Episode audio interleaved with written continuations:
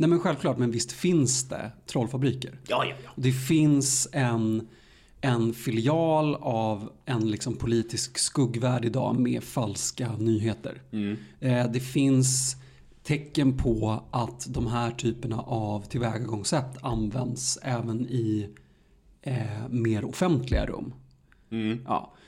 I, kan det vara så att Sverigedemokraterna använder sig av det här på det sättet? För att få oss att verka dumma?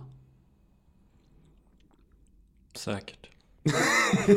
Men de vinner ju alltid. Alltså det går aldrig att vinna mot Sverigedemokraterna. Nej men precis, precis, precis. Men det som jag är intresserad av är vad, hur mycket av deras position som person man inte kan vinna mot beror på dem och på taktik.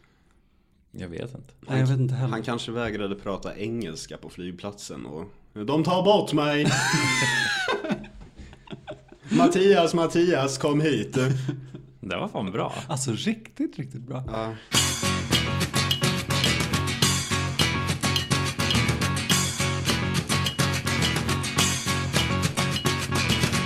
Hej och välkomna till killgruppen. Tja. Ehm, till, ehm, ehm, ja, jag har ingen aning om vilket avsnitt vi är på. Några stycken. Eh, Vi är på avsnitt... Det är väl sju? Åtta. Åtta, okej. Ja, åtta.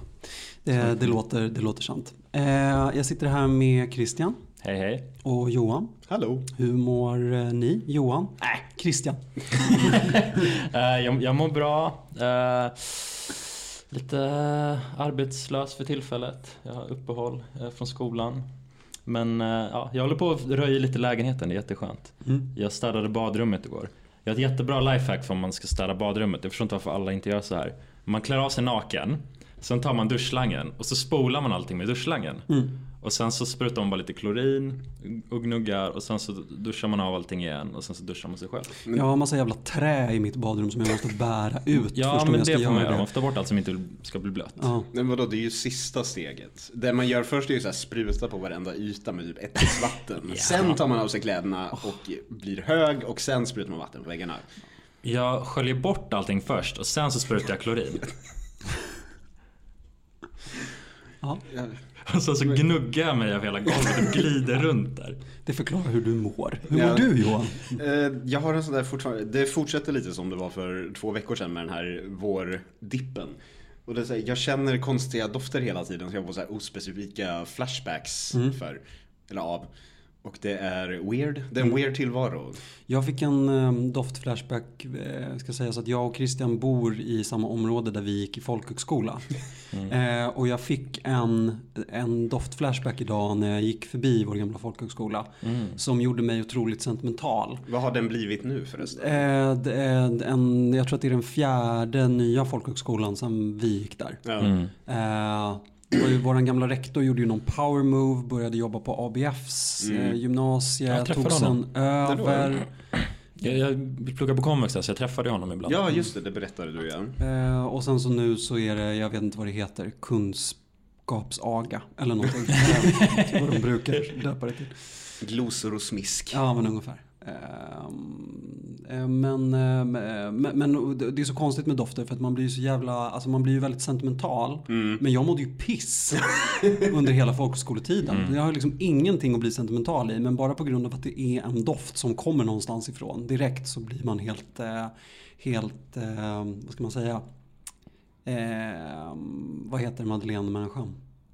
Madeleine-människan. Kakan. Eh, Mm, ja, den här... Um, Prost. Man blir prost. just det. Jävla intellektuellt där. Det börjar bra. Jag bara först bara prinsessor, sen bara lesbiska medieprofiler. Jag blir precis som Chris O'Neill. Han är jävla sentimental. Men vadå, hade den byggnaden en lukt så här? Nej, men, men naturen omkring och sådär. Det ligger ju vid vattnet. Mm. Eh, och den där äckliga skogen nu när snön smälter blir lite uppblött liksom. Och en Och så lätt doft av man- hasch. Så kom man och var bakis och hade torra slemhinnor och man luktade själv lite illa och jag antar att jag gör det idag också. Eh, för att allting liksom helt plötsligt hamnade på plats. Mm. Och så bara transporteras man tillbaka i tiden och man får ett sug i magen. Liksom. Och så bara känner man att åh, tänk om det hade varit som 2000 2011 var det Ja, 2011. Det, Eh, men alltså jag mådde ju riktigt dåligt då. Alltså verkligen uselt. Nej, men det det var- enda jag liksom reflekterade över med den där sjön som låg bredvid var ju om man skulle och att man kanske borde dränka sig i den. Men ändå så blir man helt, eh, helt så tom och, och tillbaka elastisk på något sätt. Ja, men jag trodde väl att du mådde rätt bra där sommaren 2011. Det var ju inga stora livsförändringar eller någonting för dig då. Nej, nej, nej, nej, nej, nej, nej. verkligen inte. Alla har mått bra av att ständigt vara eh, midflytt med alla dina saker i tre olika tygkassar som du bär omkring med dig. Och en handväska Och en med trasiga handväska. handtag. Just det, just det, just det. Just Ja. det, I plast. Ja. Ja, jag kommer ihåg att vi brukade, jag och Måns brukade lägga kapsyler i din väska hela tiden i smyg. Och se när du skulle märka det. Mm. Som du alltid gick runt. Svaret var aldrig, aldrig. Jag tyckte bara den extra tyngden kändes skön för det kändes som att jag hade mer grejer än vad jag egentligen hade. Det du gjorde det året var att vara hemlös samt tappade dina telefoner i ölglas. Det var liksom 2011. Ja, ja, så var det verkligen. Tre olika telefoner tappade jag under det halvåret, varav två i ölglas. Du hade väl till och med knapptelefon ett par gånger då som du fortfarande lyckades ha sönder. Absolut, men det berodde inte på att jag tappade dem så ofta utan på grund av att jag inte hade råd att betala min telefonräkning och blev tvungen att köpa en burner för att jag överhuvudtaget skulle kunna eh, prata med folk. Ja. Och sen kunde du fortfarande inte det. Åh, ja, ni förstår ju, jag blir sentimental. Ja. Det är därför jag firar Rasmus i mobilen. Ja, mm. Och din period när du inte hade lägg och bara kunde handla på systemet i Liljeholmen för att Mm. de kände igen oss. Ja visst, eller på den, vad heter det, som, alltså den vid Medborgarplatsen som ligger nere vid Ersta. Ja. När jag kom in och var lite så här ursäktande och bara, gud förlåt, så här, snälla kan jag få köpa? Så här, jag, jag har inget lägg med mig idag. De bara, pff, det är lugnt, du, du är här varje dag. Och ja. shoutout till Goat-tjejen som Ja. jobbade på Systembolaget Liljeholmen. Ja, jag träffade på henne på, eh, på krogen. Det var massa år sedan i och för sig. Det låter Eh, alltså, väldigt att det var- Det var surrealistiskt. sex sju år sedan. Och vi liksom kramade varandra och stod och pratade ett tag. Och sen så kunde vi, ingen av oss kunde komma på var vi kände varandra ifrån. Mm. Och det var först typ ett år senare när jag insåg att nej men ja, det var ju därifrån liksom. Klart som fan vi var vänskapliga. Jag var hennes bästa kund. Nej, men jag funderar lite på det här med, med killar och socialt ansvar. Brukar ni ta socialt ansvar? De- Definiera. Använd ordet i en mening. Brukar du, brukar du så här lajka folks saker på Facebook så att de inte ska bli sura på dig? Oh. Jag finns inte på Facebook. Nej, bra. Brukar du göra det? Eh, jag, jag tror att jag, eh, man får ju lite rapporter nu för tiden från Instagram och sådär om konton som man brukar interagera med. Eh, och de kontona för mig är alltid helt tomma. De enda jag likar är typ era grejer, mammas grejer och min tjejs grejer. Ja, nej, men det är och bra. Nick Caves grejer.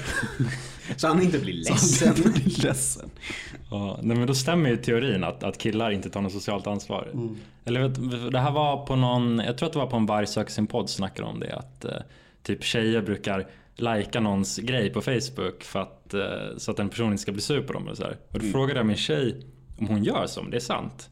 Och hon bara ja, absolut. Och Hon gör det hela tiden. Hon, hon, hon är så livrädd för att glömma, glömma att lajka någons grej. Och då tänkte jag bara fan det har jag aldrig någonsin gjort. Det har jag inte ens tänkt på. Det låter för jävligt. Nej, men jag kan göra så ibland när, alltså när man Alltså jag tror att jag likar vid, vid speciella tillfällen. Alltså att det väldigt ofta är good for him Ja. like. eh, typ, eller her. Eh, men eh, däremot så har jag sett att mina systrar till exempel. De scrollar ju likandes på Instagram. Mm. Alltså de tar sig ner dubbelklickandes genom flödet. De likar hela, hela flödet liksom. I hopp om att Justin Bieber ska Nej, tillbaka. men jag vet inte. Alltså, det är kompisar och K-pop-personer och Einar och det... Vem- Vem som är hora-konton och... Ja. Mm. Ja, men du har ingen stress för att någon ska att det ska hända någonting om, du- om, du, om du glömmer lajka någons Nej, för jag är så inaktiv så jag tänker alltid att det bara ska försvinna i... Alltså, det är ju ingen som likar mina grejer heller. För eftersom jag är så inaktiv så syns ju inte jag i några flöden. Eller det är vad jag säger till mig själv i alla fall. Eh, Jag För får alltid en notis varje gång du lägger upp någonting en gång i halvåret. Ja. Då går jag in och bara Good for him, Ja. han är tillbaka online. Ja. Ja, nej, jag brukar typ, alltså jag brukar typ till och med bara sluta svara ibland i så här, messenger-konversationer. Och- Av ingen anledning. Och så tror folk typ att jag är sur på dem eller någonting. Nej men därför ska man ha det försvaret jag har. Det vill säga när folk säger så här, ja men jag skrev till dig på Facebook, bara, "Ah, nej, jag, jag är en fri alv, jag såg inte, för jag använder inte Facebook. Och eh, det är 100% sant, bara det att jag är inne kanske en gång i halvåret, ser liksom så här, jag har fortfarande Facebook, sen stänger jag skiten. Ja, men så brukar jag för sig säga ibland. Eller så brukar jag säga till mina släktingar, föräldrar. Ja. Här, om du inte har mitt nummer, kontakta mig inte. Ja, vi är ju typ alla inne på Facebook heller i och för sig. Men man missar fester ibland för att man inte kollar evenemangsinbjudningar. Jag är ju så pass vuxen nu så jag får inga festinbjudningar längre. Ja. Ja, jag får det ibland bara. Jag litar också kallt på att om någon verkligen vill att man kommer på sin fest så bjuder de in bortom Facebook liksom. Ja, Ja. då använder man Sitta sitt. där och vänta. Ja, precis. Sitter där så här uppklädd med ett glas vin och bara tittar på telefonen. Snart kommer det. Ja, snart, snart. Ni- Klockan är Så 19. bjuder de in på Facebook igen. Jag bara nej. nej. Jag betyder Ni mer får än så här. ringa. Ni får ringa. Jag kommer till och med ihåg när jag så här, skrev i min skolas Facebookgrupp eh, om någon ville göra något arbete med mig. Eller man skulle göra någon grej. Ja. Eh, vi hade gjort några intervjuer, så skulle man gå igenom varandras intervjuer och hålla på. Och så skulle man göra något seminarium. Ja, opponera på varandra eller? Ja, Det var inte riktigt opponering men det var så att man skulle göra någonting tillsammans. Och då skrev jag i gruppen typ så här uh, om någon ville göra det med mig. Eh, och sen så gjorde jag som jag brukar göra att jag typ sket i att kolla, fast jag hade skrivit en grej så, så sket jag i att kolla Facebook på hur lång tid som helst, så här, typ en vecka. Eh, och bara så här, brydde mig inte om att jag hade skrivit någonting där och att någon kanske hade svarat. Mm. Eh, och eh, upptäckte sen så här mycket, mycket senare när det var för. Eller ja, nej men det som hände var att en annan kille i klassen skrev till mig på Messenger och bara men vi kan göra det här. Jag bara ah, fan vad bra, det löste det sig. Och så sket jag fortfarande i att kolla den här tråden utifall någon hade så här räknat med mig eller någonting.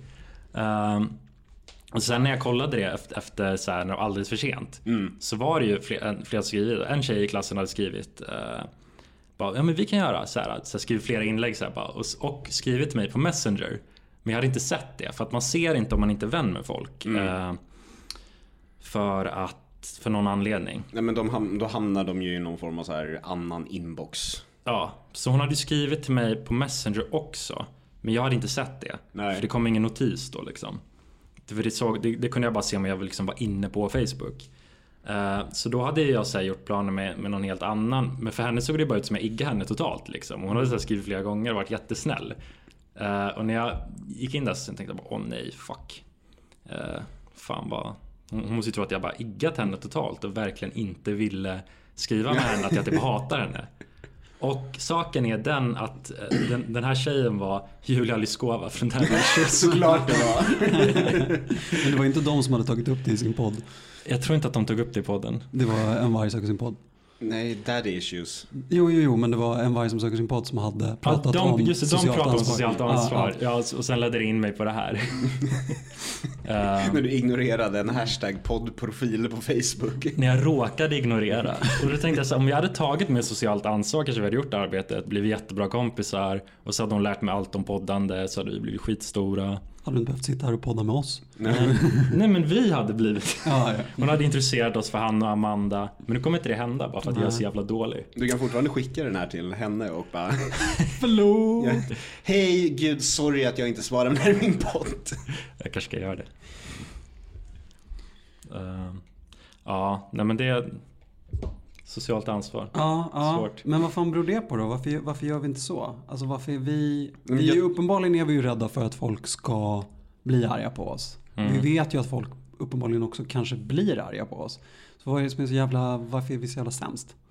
Alltså jag är typ... ehm, jag har inget bra svar. Alltså det... För mig handlar det om dåligt självförtroende. ja. Alltså att jag så här... Att, att det är någon spärr man måste komma över gång på gång på gång. Det är så en spärr man behöver för att liksom... För att lägga upp någonting, en spärr för att kommunicera med någon och upprätthålla den där kommunikationen och sådär. Eh, men jag vet inte om det är gemensamt för killar. Men fan, vet du, det där, det där är sant. Eh, för typ så som jag tänkte när jag la upp den här grejen. Först kanske jag tyckte det var lite jobbigt att göra ett inlägg. Eh, och sen så tyckte jag att det var för jobbigt att liksom gå in och kolla det igen. Att typ som att jag skämdes över att jag gjort ett inlägg eller någonting. Alltså på något abstrakt plan. Eh, och så bara ignorera hela skiten för att eh, jag... Det, det var min problemhantering just då och den är inte så bra nu heller. Men det är så Nej, men för, för det där går igenom ganska mycket med hur jag också, eller inte, hur- inte hur jag löser problem utan hur jag, hur jag hanterar saker som jag borde göra. Att jag är ganska duktig på att ta första steget. Och sen vara ganska nöjd med att jag har gjort det. Och sen bara aldrig löpa linan ut. Liksom. Ja, gud, ja. Med så ansökningar till skolan och sånt där så kommer jag på olika, jag kommer på olika bra idéer. Eh, och sen så berättar jag för alla om den här bra idén. För att jag tänker att att jag berättar det ska göra att jag inte kan ta mig ur det. Men det, istället så blir det bara att jag får så här att jag blir som helt hög på min egen förmåga redan innan. Gör det inte. Och sen blir det skitdåligt till slut i alla fall. Alltså, det, För ja. att man liksom inte vågar. Alltså man börjar leva på hoppet tror jag. Mm. Eh, och Sen så, räcker så, Och sen räcker det. Vilket det ju inte gör. Ja. Vilket gör att jag känner mig som en halv människa hela tiden. Fan, det är så typiskt oss. Ja. Men det är jättebra idé att göra dig själv accountable till andra. Mm. Det är bara att det verkar inte som att du känner dig accountable. Nej, nej, nej, precis. att Det du funkar liksom inte. Så att jag funderar på om jag ska leva efter det som alla mm, mindfulness-coacher och livscoacher och vad alla säger. Att man ska aldrig berätta om någonting förrän det är klart. Mm. Men då, ja. ja mm. Men en annan rolig grej man faktiskt kan göra, även om man inte aktivt stödlikar folk så kan man ju lajka, framförallt i studentgrupper, om man går in och ser att någon man inte tycker om har typ frågar efter en studiepartner eller någonting och stödlika det.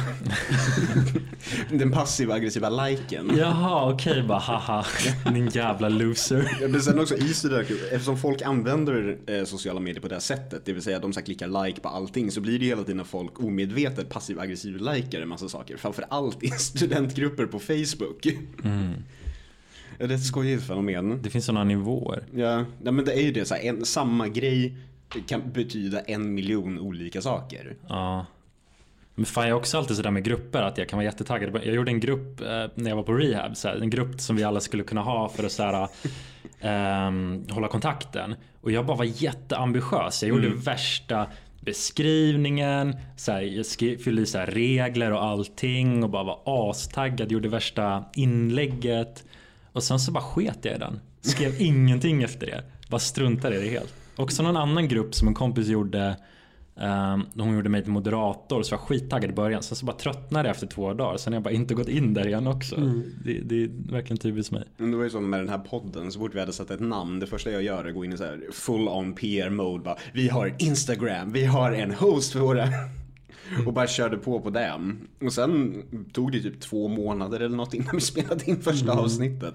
Jag tycker ändå att vi har, att, att vi har kommit så här långt tycker jag är otroligt. Ja, ja, men jag tycker det också. Och det kan se väldigt lite ut för världen. Men det är ju... Det är För verk- oss som inte gör klart någonting Nej, men det är, jag tycker faktiskt på allvar att det är ganska imponerande. Ja.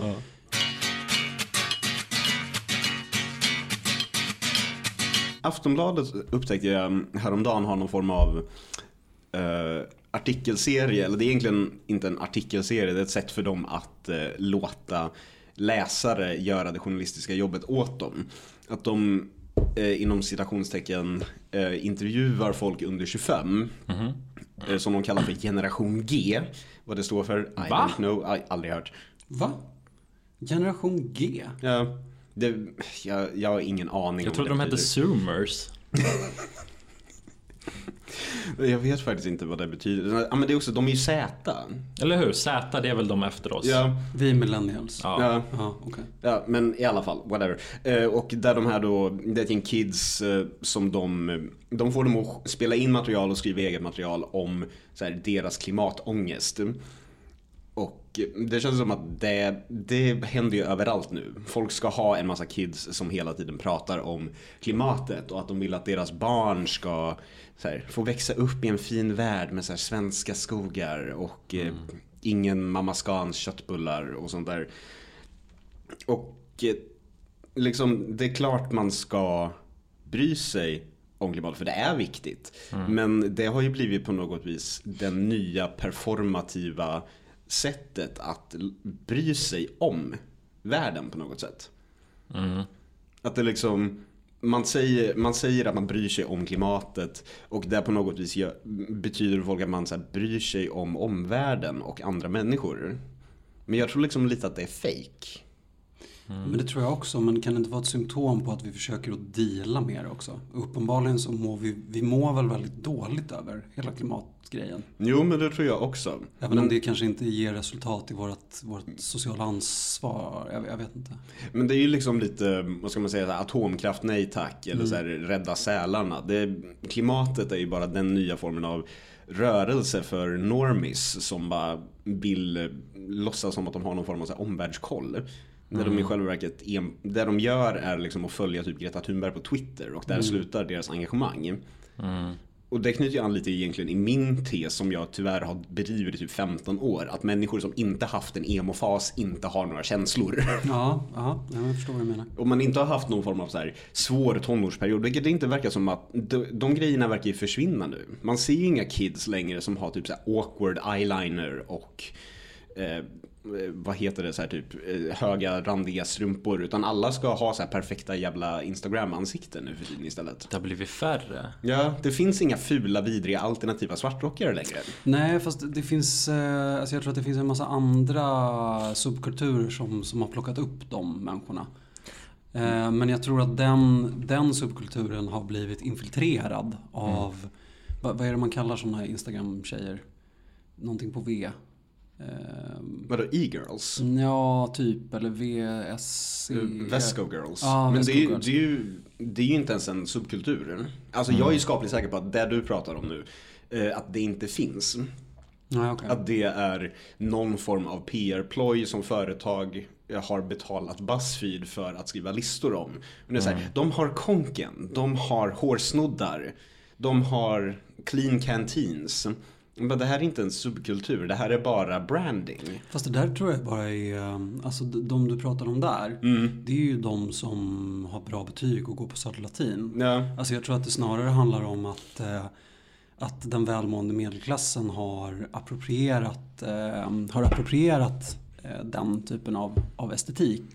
Ja. Eh, Men jag tror också att, att den välmående medelklassen har approprierat psykisk ohälsa. Ja, gud ja. Och att det gör att det kanske inte finns samma subkulturella eh, skiktningar i en subkultur där man mår dåligt. För att som jag har förstått det så mår ju kids, alltså generellt sett, jävligt mycket sämre nu. Ja, Eller i det har alla jag fall- hört. Eller i alla fall så säger de det. Det kan ju bara vara någon form av så här memetik. Nej, men, och det, det Ja, att man pratar om man ju, det. ja, Mm. det, det pratar man ju ganska mycket om också. Om, eh, alltså alla, alla de alltså, symptomen som alltså, eh, har avstamp i, i psyk, psykisk ohälsa eller i eh, social awkwardness eller något sånt där. Mm. Ehm, och även i större grejer, alltså som så här, transidentitet eller eh, sådana saker som, som politiker gärna kallar för trendiga Ja. på något sätt. Eh, att, att, eh, att det oåterkalleliga elementet i det är någonting som har tagits tillbaka. Alltså att folk är otroligt medvetna om att det går så himla mycket trender även i vad vi kallar för, för psykisk ohälsa. Mm. Eh, så att jag håller med dig i att det, det förmodligen är en Alltså det är nog trendbaserat också. Det går också in lite i det jag menar just med att, så här, att för många så är bara känslor och tankar mimetik. Det vill säga att man härmar saker som man tror att man ska känna gällande grejer. Då gäller det också så här psykisk ohälsa och man bara säger, ja ah, men jag har ångest för jag var ledsen en dag typ. Och sen så får man ett spread för att man eh, spelade hockey en gång. Så tar Aftonbladet Sport upp dig som någon form av idol. Men just för folk nu är ju uppväxta på internet på ett sätt som vi tenderade att kunna vara. Och man lär sig såklart att interagera med andra människor då via internet. Vilket, ja men vi var liksom så här eh, försökskaninerna för det som generation. Men jag tror nu att den formen av outrage och eh, vad ska man säga, öppenhet som genomsyrar det nuvarande internetklimatet. Att det i sin tur tar, tar sig uttryck då i verkliga världen och att folk då egentligen inte känner någonting för saker överhuvudtaget. Förutom det de blir tillsagda att de ska känna för saker. Jag, jag håller inte med dig om, den, om det känslouttrycket. Däremot så tror jag ju verkligen att de har otroligt mycket svårare att bolla med de här två olika liven. För jag tänker att det, det är ändå två olika liv Ja. man lever. Eh, även om man tar det digitala jaget på, på allvar. Så är det ändå ett annat jag än, än ditt, eh, ditt vanliga vad ska man, ja, nu, nu var jag på väg att säga verkliga. Mm. Men ditt, ditt jag ute i, ute i världen, ditt världsliga jag. Mm. Ehm, men eh, vad heter det? Men att de två sakerna gör ju att det blir väldigt svårt att interagera. Alltså man blir tvungen att... Det blir väldigt schizofrent. Man måste bolla de här två olika liven. Eh, och att jag tror att, även om det kanske inte är att man inte kan känna, så tror jag att det är svårt att veta vad som går hem var. Och vad det är som man ska lägga på vilket liv. Ehm, för att jag tror, inte att jag tror inte att det är att man känner mindre, jag tror man känner annorlunda kanske. Ja, eller så, jag vet inte. Det här är ju bara någon form av nihilistisk tes jag har. För att Mhm. jag bara känner någon form av allmänt jävla människoförakt väl egentligen. Du tror att barnen mår inte sämre, de bara fejkar det. Jag tror att de tror att de mår sämre. Okej. Bara för att det har blivit en öppnare dialog om sådana saker. De här ungdomarna nu för tiden, de havererar inte sina liv för att de inte orkar gå upp i sängen. Alltså det stämmer ju tyvärr inte. Nej, alltså de gör ju det. Som sagt, jag bara ja. Men, men jag håller med dig om att alltså, däremot så tror jag att det kan bli, alltså om man pratar väldigt mycket. Jag vet inte, jag börjar förespråka väldigt mycket att man, ska, att man inte ska röra i bränd gryta på något sätt. Alltså att man, är, att, man, att man är inne och dealar på grejer och pratar om ångest och håller på så jävla mycket med, med psykisk ohälsa med barn som vi gör idag. Ja. Att det kanske är kontraproduktivt. Just precis som du säger. De tror att de mår sämre än vad de gör. Men det kan få dem att må dåligt på riktigt. Ja, För då har man ju någon form av utifrån perspektiv på sig själv. Men Ja, då blir det ju återigen det här att så här, hur ska jag agera utifrån de här yttre parametrarna som läggs på mig liksom. Och så blandas de in med liksom allting som de hade redan från början. Och det är ju en jävla förvirrad tid. Liksom. Jag har inte heller någon aning om hur det funkar. Tonåringar fortsätter vara mysterier. Ja men verkligen. Men jag jobbar ju så nära med dem också. Och jag menar, jag, jag, jag tycker att det, det påminner ganska mycket. Det jag märker som är den stora skillnaden med alltså, livet på internet och tillgängligheten med sociala medier och sånt där. Det är att de drar det hela tiden genom ett annat filter. Alltså jag tycker väldigt sällan att det är som att de pratar om, om att det är de som mår dåligt. Utan de drar det liksom genom att det är Alltså de formulerar det precis som vi precis har formulerat det. Att det är samtiden som får dem att må dåligt. Liksom. We live in a society och så vidare. Ehm, Jag har hört det. Det är ju bra, då har de ju en analys. ja, jo men precis. Men det känns som att analysen har blivit presenterad för dem.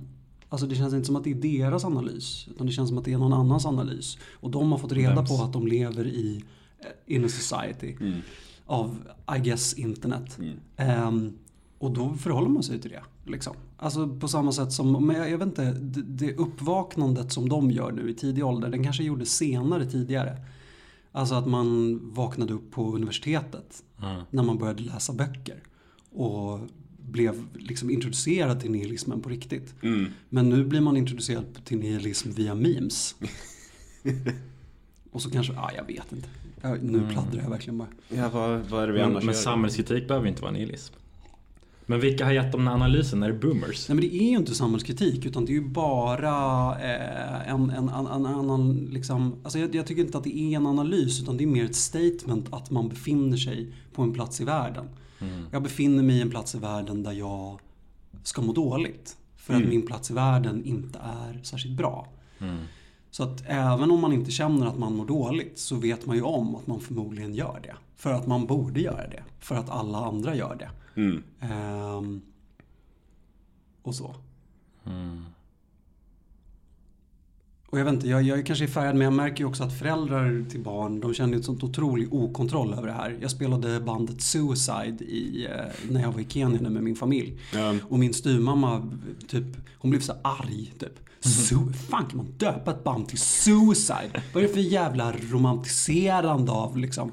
Alltså att hela, alltså dödsromantiken och nihilismen, den är så pass stor i, i den, bland de unga att det blir ett problem för deras föräldrar också. Att de inte ens kan lyssna på postpunk längre. Nej men precis, och hon har en Neubauten-tatuering liksom. Men det är bara så här, Men så har det väl alltid varit liksom. ja så är det kanske. Det.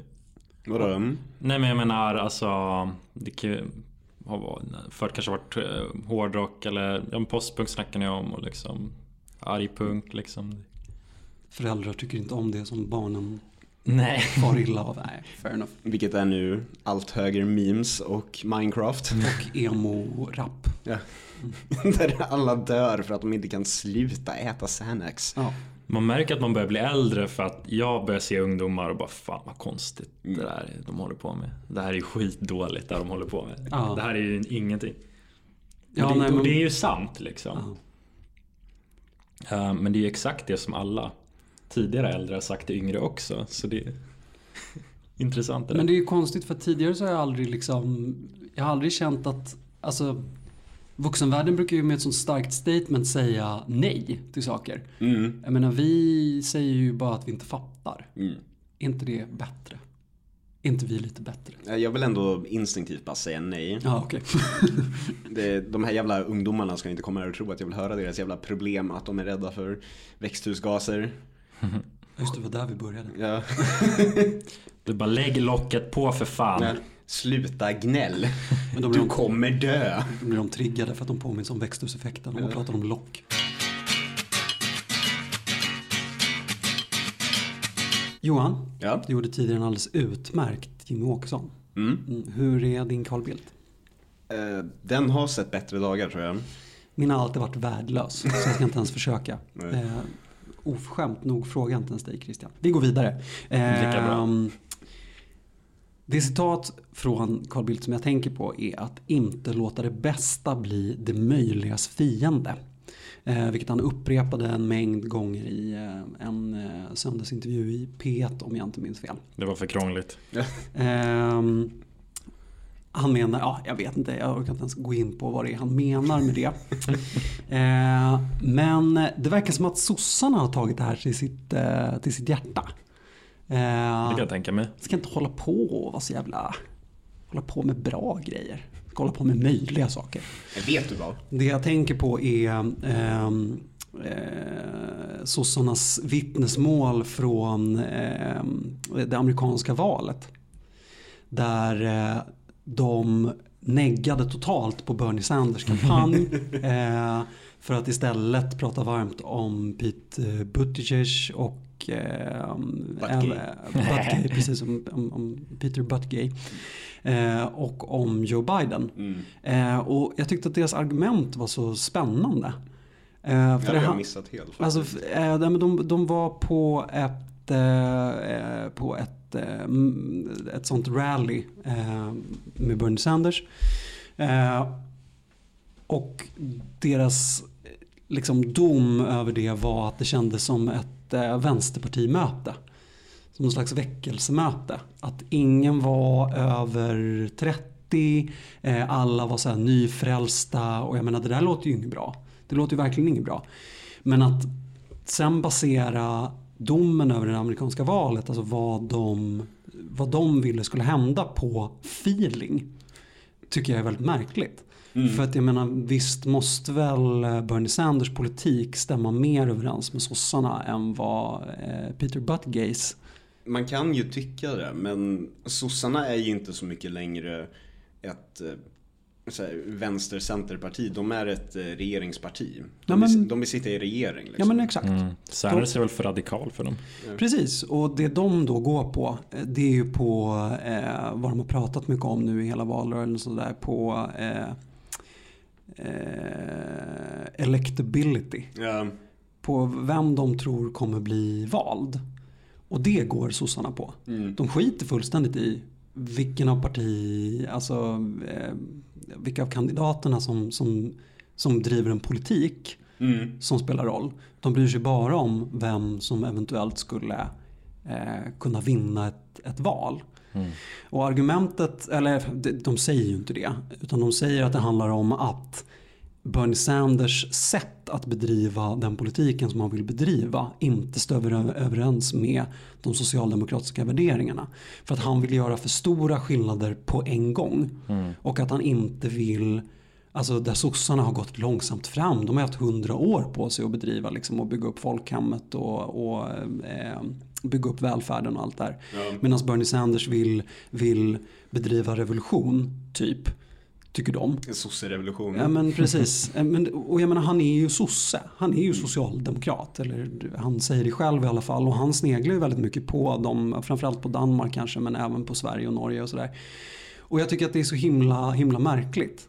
Ola Söderholm pratade i, i eh, den podden som han har, vad den nu heter. Stormens utveckling. Stormens utveckling om att han tror att Bernie Sanders skulle bli väldigt chockad över om han kom till Sverige för att kolla på det så här korrupta pampigheten i, i den svenska socialdemokratin. Men, men jag blir mer chockad över att sossarna är såna hejdlösa populister. Att de bara inte bryr sig Mm. om politiken helt öppet. Utan att de bara känner att ah, får lite dålig feeling. Alltså. Men det är också electability, det betyder väl i princip att de så bedömer på person. Ja, men, och jag, jag förstår ju hela den grejen för att det handlar ju på något sätt om att ta ner Trump. Mm. Alltså det är ju det som är målet med den här valrörelsen för Demokraterna. Men det är ju inte det för Bernie Sanders val, eh, valkrets. Utan de vill, ju, alltså de vill inte bara bli av med Trump utan de vill ju också bedriva en socialdemokratisk politik. Ja. Och det tänker jag att ett socialdemokratiskt parti skulle tycka var soft. Men det tycker de inte. För de vill inte göra det, eh, det bästa till det möjligas fiende. De har Carl Bildtat till det liksom. fullständigt. Eh, Peter Hultqvist som skrev en, en lång debattartikel i, i Aftonbladet där han konstaterade att det, eh, det nyliberala projektet har gått åt helvete eh, och att vi måste behöva eh, alltså tillföra 90 miljarder till skola, sjukvård och äldreomsorgen eh, inom den närmaste tiden för att inte välfärden ska gå fullständigt åt, åt helvete. Ja. Och jag menar det säger väl mer om liksom sossarnas splittrighet och jag, ja, eh, åt att de är inkonsekventa och ett jätteparti så att man inte kan dra alla över en kam eller något sånt där. Eh, men jag tycker att det är lite märkligt ändå. Att de så öppet eh, är så apolitiska. Nej, Men det har ju att göra med att de har inte blivit, de är inte längre politiskt parti, de är ett som sagt, ett regeringsparti. Det är därför också så himla många sossar har varit så otroligt kåta på Elizabeth Warren. De bryr sig egentligen inte om någon politik hon för. Det handlar om att de bara så här vill se en kvinna i maktposition för att kvinnor är so hot right now senast de senaste åren. Men och det kan jag ändå förstå och Elizabeth Warrens politik eh, överensstämmer väl sig mer med sossarna också än vad Buttigieg och, och Bidens gör, tänker jag. Hon är väl ändå längre till vänster än, Alltså, än dem. Biden är ju liksom en, vad ska man säga, han är en, eh, men en utlandsambassadör Ja. i någon form av så här ruttnande skelett bara. Och, och det är liksom, men inget av det där spelar någon som helst roll för att eh, för att, för att det enda som spelar någon roll då det är att, så här, att man får så jävla ah, man får så dåliga vibbar av, eh, av Sanders. för att de klarar inte av att ta någonting som är i spektrat längst till vänster. Nej. Det handlar om att hitta ett så medianvärde hela tiden. Inte ett medelvärde utan ett medianvärde där man lägger sig i mitten av allting. Om sossarna var en diktator så skulle de välja typ Tito. Den sämsta diktatorn Ja, eller? han var en dålig diktator men han bedrev en helt okej politik och han ligger någonstans på mitten av de diktaturer vi har på höger-vänster-spektrat. Absolut tråkigaste diktatorn. Ehm, Sämst. och om de valde en bok så skulle de välja Da Vinci-koden. För den har sålt bäst. Typ. Ja. Så den är bäst. Det är Ja, vår favoritbok. Men nu går du in lite på alltså, den så här, det kulturella järnrötan som råder hos svenska politiker överlag. Ja, men inte bara kulturellt utan bara idémässigt Men de och, blev och ju brända livsstilsmässigt. Alltså. Med, med Juholt liksom. Det, det gick inte så bra. Nej men precis, precis. Och det tänker jag verkligen på. Jag undrar om det handlar om att de blev så jävla... De, ja, De fick vatten på sin kvarn på något sätt. Bara, nej men fan nu fortsätter vi bara vara maktas. Ja, Liksom. för kommer ni ihåg Juholts första tal? Och alla blev så jävla sentimentala och glada och Palme och hit och dit Mm. och liksom. Jag tycker det var skitballt när, när Juholt blev. Bara wow, vänstersossar. Nu känns det som helt orimligt att Stefan Löfven ens skulle hålla ett tal. För det ger så här vibbar till tidigare olika ledare som har hållit tal. Det vill vi inte ha. Men han aktiveras ju bara när de känner att de behöver ha någon på någon form av pressträff. Annars så sitter han i ett mörkt rum och äter så digestive kex typ och väntar på att de kommer och hämtar honom. Precis, de tar fram honom när han ska ha gullig hatt. Det är han i alla fall bra på. Stefan, vi har en bygghjälm.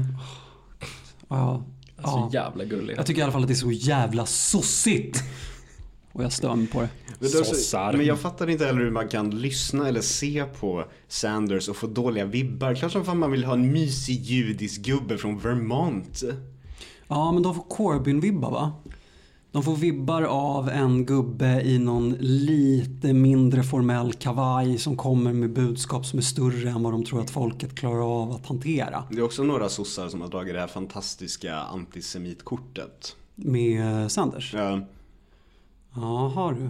Mm. Ja, okej. Ja, men ju- igen Corbyn-vibbar då. Ja, men det är också det är ju en väldigt vanlig grej eh, inom amerikansk politik för att de har ju, vad heter det, APAC, den här eh, Israel-lobbygrejen som man så här kastar ut pengar till politiker.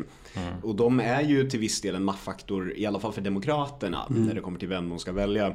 Och Sanders har väl sagt typ, inte nej, men han har inte heller sagt ja till det. Och sen bara, man kanske ska vara snäll mot palestinier.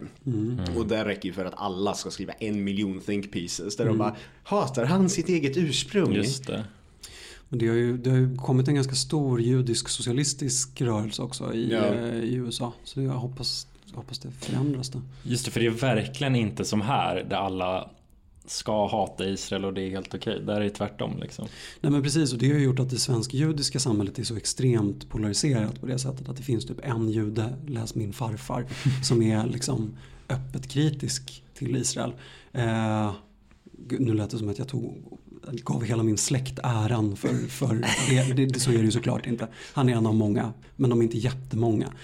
Vilket gör att, att jag tror att, jag vet inte, 90% av alla svenska judar, alltså förmodligen högre, 95 kanske, röstar på Folkpartiet. För att man gör det liksom. Ja. Eh, Varför Ja. gör man det? för att de är det parti som rent historiskt sett har varit minst Israelkritiskt. Mhm. Har vi hasidier i Sverige? Eh, chassider? Ja, absolut. Vart då? Vart är de? Eh, på Sankt Paulsgatan. Ah! Va? Kan man se sådana där? Eh, när deras synagoga ligger där. Eller det är Chabad-rörelsens eh, Ah, ja. synagoga. Ligger Det är där. Shabbat Center. Mm. Ja. Ehm, och de är inte jättestora i Sverige men de försökte göra en stor, eh, ja men, eh, vad ska man säga, missionsgrej. Även fast man inte missionerar i judendomen så de kallar det väl något annat. De bara, här, ta en hatt! i Början av 90-talet. Ehm, Ja men jag hade ju gått med om de hade gett mig en festlig hatt. mm. Mm. En av de här stora eh, cy- cylindriga pälshattarna. Bara, ge mig den så kommer jag också tvinga kvinnor att ha på sig peruker. Det Hatar du också att ha sex efter att din kvinna haft mens? Tycker du att mens är lite äckligt? Då har jag en politisk rör eller religiös rörelse för Det dig. finns ett långt eh, kapitel i en Susanne Brögger-roman där hon försöker springa omkring och leta i Jerusalem efter någon efter en pälshatt men det är inga judar som vill berätta för henne var man köper de här pälshattarna. Och jag kan, jag kan eh, säga att det är sant för jag frågade en gång en eh, chassidisk man i, eh, i Marais i Paris för att jag ville köpa en sån hatt. För att Anne Demulmeister hade såna hattar. Eh, då ville jag, ville jag ha en sån. Eh, men han vägrade berätta för mig. Varför döljer de sina hattar? Jag vet inte. De Jag bara, men jag är jude. Han bara, han vill inte. Han bara, du är inte en chassid så tyvärr är du inte jude. Är det de här ikoniska hattarna? Ja. De här, stu- de här höga pälshattarna som ser ut som att de egentligen inte borde sitta fast på huvudet, men så gör de det. De hattarna jag hade det var mer alltså de här vidbrättade filthattarna. Ja, det, var det, jag, det är det jag ja. tänker på. Ja, de Ja. rysk-judiska. Ja. Ja. men sådana finns på Ebay. Jag har, jag har på min watchlist. Jag kan skicka det till dig. Ja men bra. Om du fortfarande är sugen på att bli utsatt för hatbrott lite oftare. Ja men det, det är jag faktiskt. Ja, men man, man är ju sugen. Måste ta ansvar för, för att eh, bli utsatt för hatbrott. Ja. ja. Ja, men no, somebody's gotta do it. ja japp. Odla ut korkskruvar. Typ.